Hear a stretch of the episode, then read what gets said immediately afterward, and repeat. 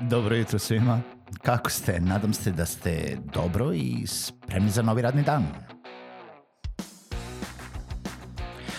Pozdrav svima i dobrodošli na podcast Male pobede, stari novi podcast koji, well, koji je tu da bi vam kroz pitanje i savete dao motivaciju, pokrenuo vas u pozitivnom smeru i pomogao da ovaj dan počne bolje, jače i možda čak i zabavnije. Moje ime je Željko Crnjaković.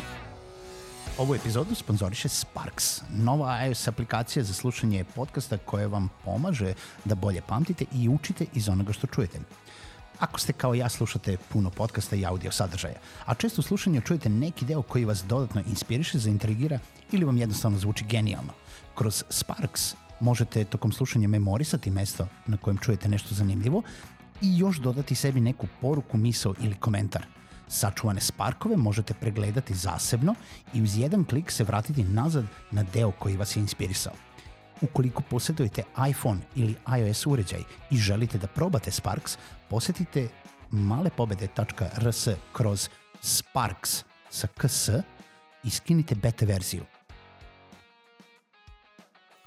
Pozdrav svima, dobro jutro i dobrodošli u novu epizodu podcasta Male pobede. Moje ime je Željko Crnjaković i danas za kraj nedelje želim da nastavim i završim neku ovaj, sad tematiku preduzetništva koja se prožimala ove nedelje, ali neće biti ništa uh, baš filozofski u ovoj uh, epizodi podcasta kao što nije bilo ni juče. I želim da pričam o tome uh, često imamo problem kao preduzetnici uh, pa nebitno u stvari da li imate DO, da li ste preduzetni knjigaš uh, ili jel da na neki način jel da imate uh, taj način vođenja knjiga kroz neku firmu, na šta to smemo da trošimo uh, novac, a da to nije ono onaj profit koji izvlačimo zato da bi imali keša kod sebe. Jel da? Sa jedne strane paušalci plaćaju uh, paušalni iznos i sav ostali novac imaju na raspolaganju, paušalni porez, da? a sav ostali, ostali novac imaju na raspolaganju da po, mogu da podignu na svoj račun fizičkog lica i da raspolažu sa svim sredstvima uh, koje imaju na računu. E sad, ukoliko vodite knjige, vi to ne možete da radite, jel, ne možete barem besplatno da, jel, da, da podižete sam novac, morate da ukoliko podižete novac platite porez na profit i morate da pazite da ukoliko podignete profit, nebitno što ste platili porez na profit, taj profit vam ide u lični dohodak, jel da? I iznos ličnog dohodka na kraju godine može da bude toliko velik da uh, uđete u iznos koji mora dodatno da se oporezuje.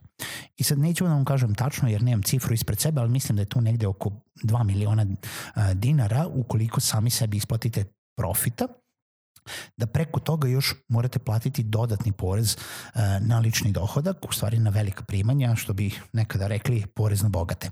I zato svako ko vodi knjige jel, trudi se i uvek pokušava da troši nešto preko firme, u stvari da firma kupuje nešto, da ima rashod. I sad, šta to sve možemo da kupimo preko firme je uvek bila ne, uvijek je bio kamen spoticanja čak i za mene. Znači, baš ne mogu stalno da razmišljam o tome i baš se uvek lomim oko toga, jer firma generalno može da troši i da ima rashod samo na troškove koji služe za unapređenje poslovanja firme, za troškove poslovanja firme i tako dalje. I sad da pređemo preko nekih, znači to su naravno svi troškovi za samo održavanje firme. Na primer, ukoliko rentirate neki prostor, možete da platite zakup tog prostora preko firme. Ukoliko trošite određene komunali u tom prostoru, možete da platite uh, struju, grejanje, uh, vodu, odnošenje smeća preko firme. Ukoliko ste registrovali firmu kući, sve te račune možete prepisati na firmu i firma može da ih plati. Ukoliko imate telefon, fiksni, mobilni, možete da ga prepišete na firmu i da imate to kao trošak firme, može firma da plati. Zatim, možete da imate sav kancelarijski materijal koji trošite, na primjer, ukoliko trošite neki, uh, i da imate kao trošak firme, znači sav onaj recimo papir za štampač, uh, kancelarijski materijal od spajalica, heftalica, uh, markera, hemijskih olovki, bilo čega možete da kupujete na firmu bilo koji drugi kancelarijski repromaterijal možete da kupujete na firmu.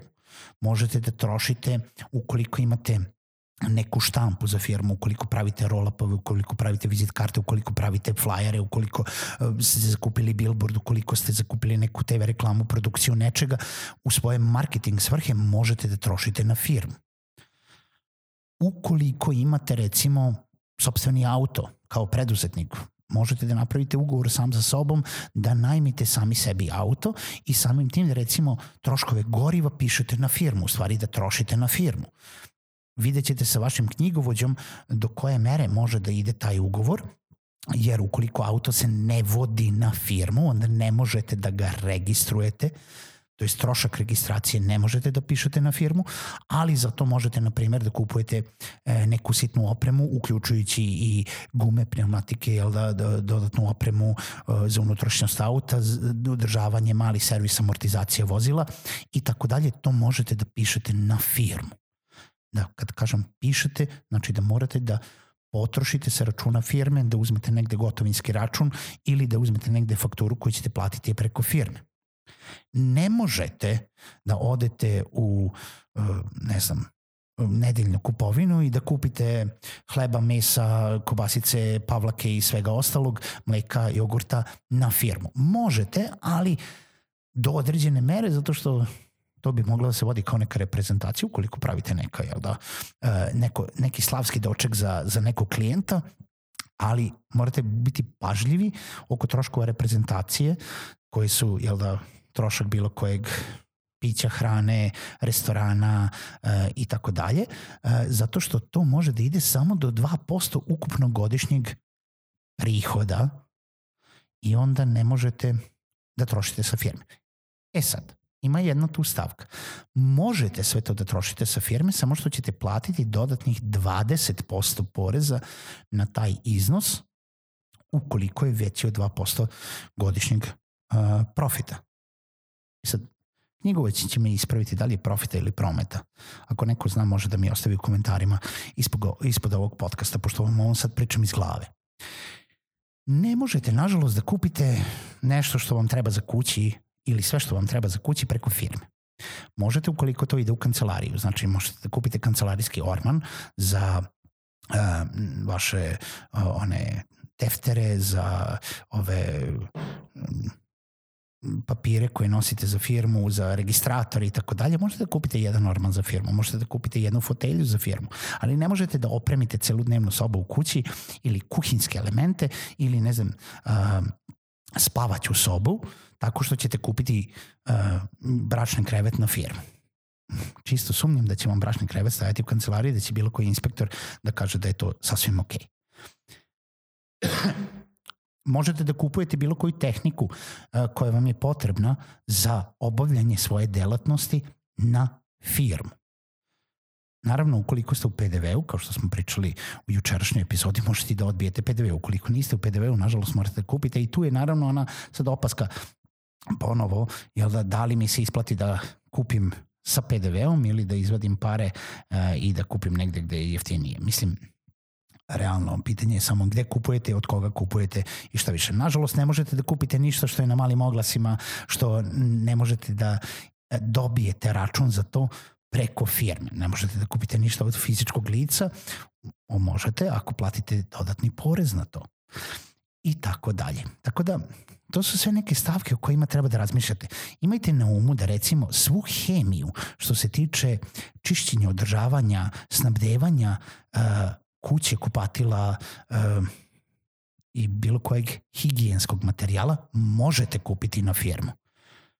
Tako da, za sve preduzetnike koje, koji razmišljaju o tome, počnite da delite ono svoju nedeljnu potrošnju na onaj hemiju i na onaj drugi potrošni, to jest e, jel da, ovaj materijal koji, ma, namernice koje jedete i da i pišete na dva odvojena računa. Pomoći će vam u nekom kasnijem sabiranju svih rashoda i prihoda sa firmi i da ne morate sve baš da izločite u kešu sa firme. Uh, ima tu još mnogo stavki, uh, ali eto, ovo su samo neke i imajte uvijek na umu to da ne, ne vučete sve pare napolje kroz keš, zato što na kraju godine knjigovođa može da vas iznenadi sa dodatnih, um, dodatnim iznosom poreza koji, koji ćete trebati da platite, tako da imajte to na umu i mala pobeda za danas jeste počnite da pravite različite liste o tome šta možete sve da kupite preko firme, a šta, za šta vam stvarno treba baš onaj cash uh, sa, sa fizičkog lica. Čujemo se u narodnoj epizodi podcasta Male pobede.